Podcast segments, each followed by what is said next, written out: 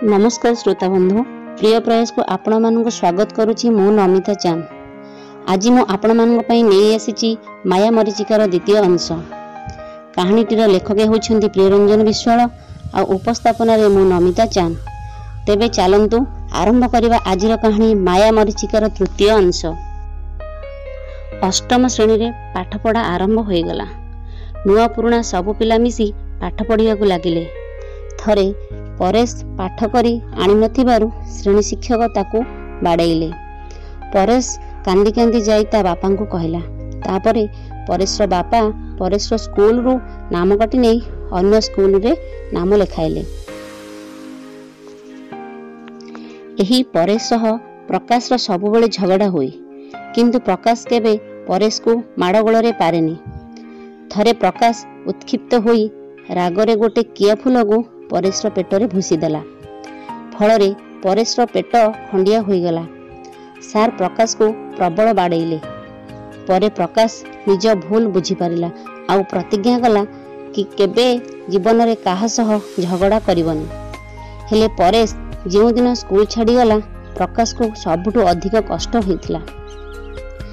ଶ୍ରେଣୀର ସବୁ ପିଲା କିଶୋର ବୟସରେ ଥିବାରୁ ଏବଂ ସମୟକ୍ରମେ ଯୁବାବସ୍ଥା ଦିଗରେ ଅଗ୍ରସର ହେଉଥିବାରୁ ସେମାନେ ନିଜ ଶ୍ରେଣୀରେ ନୂଆ ନୂଆ ସୁନ୍ଦର ତରୁଣ ଓ ତରୁଣୀମାନଙ୍କୁ ଦେଖି ପରସ୍ପର ପ୍ରତି ଆକର୍ଷିତ ହେଉଥିଲେ। ପୁଅମାନେ ମନେ ମନେ ନିଜର ସାଥୀ ଚୟନରେ ଲାଗି ପଡ଼ିଲେ। ଯିଏ ଯାହା ପ୍ରତି ବେଶୀ ଆକର୍ଷିତ ହେଉଥିଲା ସେ ତାହା ସହିତ ବନ୍ଧୁତା କରିବା ପାଇଁ ପ୍ରୟାସ ଆରମ୍ଭ କରିଦେଲେ। ପ୍ରକାଶର କିନ୍ତୁ ସାମାନ୍ୟ ସମସ୍ୟା ରହିଯାଇଥିଲା। ପ୍ରକାଶ ପତ୍ର ଚାହିଁ ପୋକକୁ ପ୍ରବଳ ଭୟ କରେ।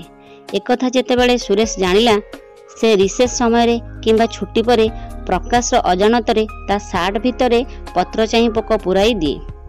ନହେଲେ ହାତରେ ପୋକକୁ ଧରି ପ୍ରକାଶକୁ ବହୁତ ଡରାଏ। ଥରେ ସୁରେଶ ଓ ଶିବୁନ ସ୍କୁଲ ଛୁଟି ପରେ ପ୍ରକାଶକୁ ଖେଳିବା ପାଇଁ ପାଖ ପଡ଼ିଆକୁ ଡାକିନେଲେ। ଜୋର ଜବରଦସ୍ତ ପ୍ରକାଶର ପ୍ୟାଣ୍ଟ ଭିତରେ ଏକ ବଡ଼ କଙ୍କଡ଼ା ପୁରାଇ ଦେଲେ ପ୍ରକାଶ ଭୟରେ ପଡ଼ିଆରେ ଗଡ଼ିବାକୁ ଲାଗିଲା। ମରମ ଓ ଗୋଡ଼ି ବାଜି ଖଣ୍ଡିଆ ଖାବରା ମଧ୍ୟ ହେଲା। କିଛି ସମୟ ପରେ ପ୍ରକାଶ ବୁଦ୍ଧି କରି ନିଜର ପ୍ୟାଣ୍ଟ ଖୋଲି ଫିଙ୍ଗିଦେଲା। ମାତ୍ର ଦେଖିଲା କଙ୍କଡ଼ାଟି ଆଗରୁ ମରିସାରିଥିଲା ଅର୍ଥାତ୍ ସୁରେଶ ଓ ଶିବୁଣୁ ଏକ ମଲା କଙ୍କଡ଼ା ପ୍ରକାଶର ପ୍ୟାଣ୍ଟ ଭିତରେ ପୁରାଇ ଦେଇଥିଲେ। ଏକଥା ଜାଣିବା ପରେ ପ୍ରକାଶ ଯେତେବେଳେ ପିନ୍ଧିବା ପାଇଁ ପ୍ୟାଣ୍ଟଟିକୁ ଧରିଲା ପରେଶ ଓ ଶିବୁନ ପ୍ୟାଣ୍ଟଟିକୁ ନେଇଗଲେ ଓ ପ୍ରକାଶକୁ ମଝିରେ ରଖି ପ୍ୟାଣ୍ଟଟିକୁ ଫିଙ୍ଗା ଫୋପଡ଼ା କରି ଖେଳିଲେ। ଶେଷରେ ଯେତେବେଳେ ପ୍ରକାଶ ରାଗିଯାଇ କାନ୍ଦିବାକୁ ଆରମ୍ଭ କଲା ସେତେବେଳେ ସେମାନେ ପ୍ୟାଣ୍ଟକୁ ଏକ ବଡ଼ କଣ୍ଟା ଗଛ ଉପରେ ଲଖେଇ ଦେଲେ। ବହୁ କଷ୍ଟ ପରେ ପ୍ରକାଶ ନିଜର ପ୍ୟାଣ୍ଟ ଫେରେଇ ପାଇବାରେ ସଫଳ ହେଲା। ଆଉ ମନ ଦୁଃଖରେ ସେଠୁ ଫେରିଆସି ଏକ ନିରୋଳା ଜାଗାରେ ବସି ବହୁତ କାନ୍ଦିଲା। ଆଉ ଠାକୁରଙ୍କୁ ବହୁତ ରାଗିଲା। ଧିକ୍କାର ମଧ୍ୟ କଲା। ଏମିତି ଏମିତି ଭାବରେ ଅଷ୍ଟମ ଶ୍ରେଣୀ ବି ସରିଗଲା ନବମ ଶ୍ରେଣୀ ହେଲା। ବିଗତ ଏକ ବର୍ଷ ମଧ୍ୟରେ ପିଲାମାନେ ନିଜ ପାଇଁ ସାଥୀ ବାଛି ନେଇଥିଲେ। ସାଥୀମାନଙ୍କ ସହ ଭଲ ସମ୍ପର୍କ ବି ତିଆରି କଲେ। ଭଲ ସାଙ୍ଗ ହୋଇଗଲେ। ମାତ୍ର କେହି କାହାକୁ ମନର କଥା ସିଧା ସିଧା କହିପାରୁନଥିଲେ ଏପଟେ କିନ୍ତୁ ପୁଅମାନେ ନିଜ ନିଜ ଭିତରେ ଓ ଝିଅମାନେ ସେମାନଙ୍କ ଭିତରେ ଚିଡ଼ାଚିଡ଼ି ଆରମ୍ଭ କରିଦେଇଥିଲେ। ଫଳରେ ଯେଉଁ ପୁଅ ଝିଅମାନଙ୍କୁ ଯୋଡ଼ି କରି ଚିଡ଼ାଚିଡ଼ି ଆରମ୍ଭ ହେଉଥିଲା ସେମାନେ ପରସ୍ପରକୁ ଲାଜ କରିବା ଆରମ୍ଭ କରିଦେଇଥିଲେ। ଏହି କ୍ରମରେ ପ୍ରକାଶ ନିଜ ଶ୍ରେଣୀର ଏକ ସହପାଠିନୀ ପ୍ରତି ଆକର୍ଷିତ ହେବାକୁ ଲାଗିଲା। ଏକଥା ଯେତେବେଳେ ଶ୍ରେଣୀର ଅନ୍ୟ ସହପାଠୀମାନେ ଜାଣିଲେ ସେମାନେ ପ୍ରକାଶକୁ ଚିଡ଼େଇବାକୁ ଆରମ୍ଭ କଲେ। ପ୍ରକାଶ ସୁରେଶ ଶିବୁନ ସବୁ ସାଙ୍ଗ ହୋଇ ଗୋଟିଏ ଜାଗାରେ ଟ୍ୟୁସନ ହେଉଥିଲେ। ପ୍ରକାଶର ବାପା ବହୁ କଷ୍ଟ କରି ପ୍ରକାଶକୁ ଏକ ଟେଷ୍ଟ ପେପର କିଣି ଦେଇଥିଲେ।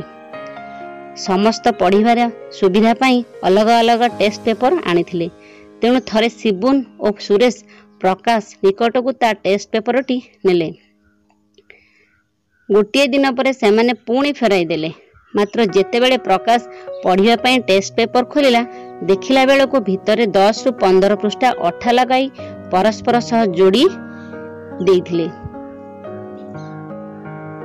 ଏକଥା ଯେତେବେଳେ ପ୍ରକାଶ ସୁରେଶ ଓ ଶିବୁନକୁ ପଚାରିଲା ସେ ଜାଣିବାକୁ ପାଇଲା ତା ଟେଷ୍ଟ ପେପରରେ ଅଠା ଲାଗିନଥିଲା ବରଂ ତାହା ଥିଲା ଯୌବନର ପ୍ରଥମ ପାହାଚରେ ଅଧିକାଂଶ ପୁଅମାନେ କରୁଥିବା ଭୁଲର ଫଳ।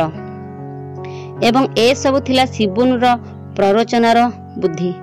ଏକଥା ଜାଣିଲା ପରେ ପ୍ରକାଶ ସେମାନଙ୍କ ଉପରେ ବିରକ୍ତ ହୋଇ କହିଲା ତୁମକୁ କ'ଣ ଏସବୁ ପାଇଁ ମୋ ଟେଷ୍ଟ ପେପର ହିଁ ମିଳିଲା? ଶେଷରେ ଏମାନଙ୍କର କାରନାମାର ଅଧିକ କିଛି କହି ନପାରି ସେଠାରୁ ଚାଲିଗଲା। କାରଣ ଯେହେତୁ ସେମାନେ ସମାନ ବୟସର ଥିଲେ ତେଣୁ ସେମାନେ ପରସ୍ପର ମନର ଭାବନାକୁ ସହଜରେ ବୁଝିପାରୁଥିଲେ। ତେବେ ଶ୍ରୋତାବନ୍ଧୁ ଆଜି ପାଇଁ ଏତିକି। ହେଲେ ଏହି ଅଂଶଟି ଆପଣମାନଙ୍କୁ କିପରି ଲାଗିଲା ମତାମତ ଦେବାକୁ ଭୁଲିବେନି। ହଁ ମାୟା ମରିଚିକାର ଚତୁର୍ଥ ଅଂଶ ଖୁବ୍ ଶୀଘ୍ର ନେଇ ଆସିବି ମୁଁ ଆପଣମାନଙ୍କ ପାଇଁ। ସେତେବେଳେ ପର୍ଯ୍ୟନ୍ତ ମୋତେ ବିଦାୟ ଦିଅନ୍ତୁ ରହୁଛି ନମସ୍କାର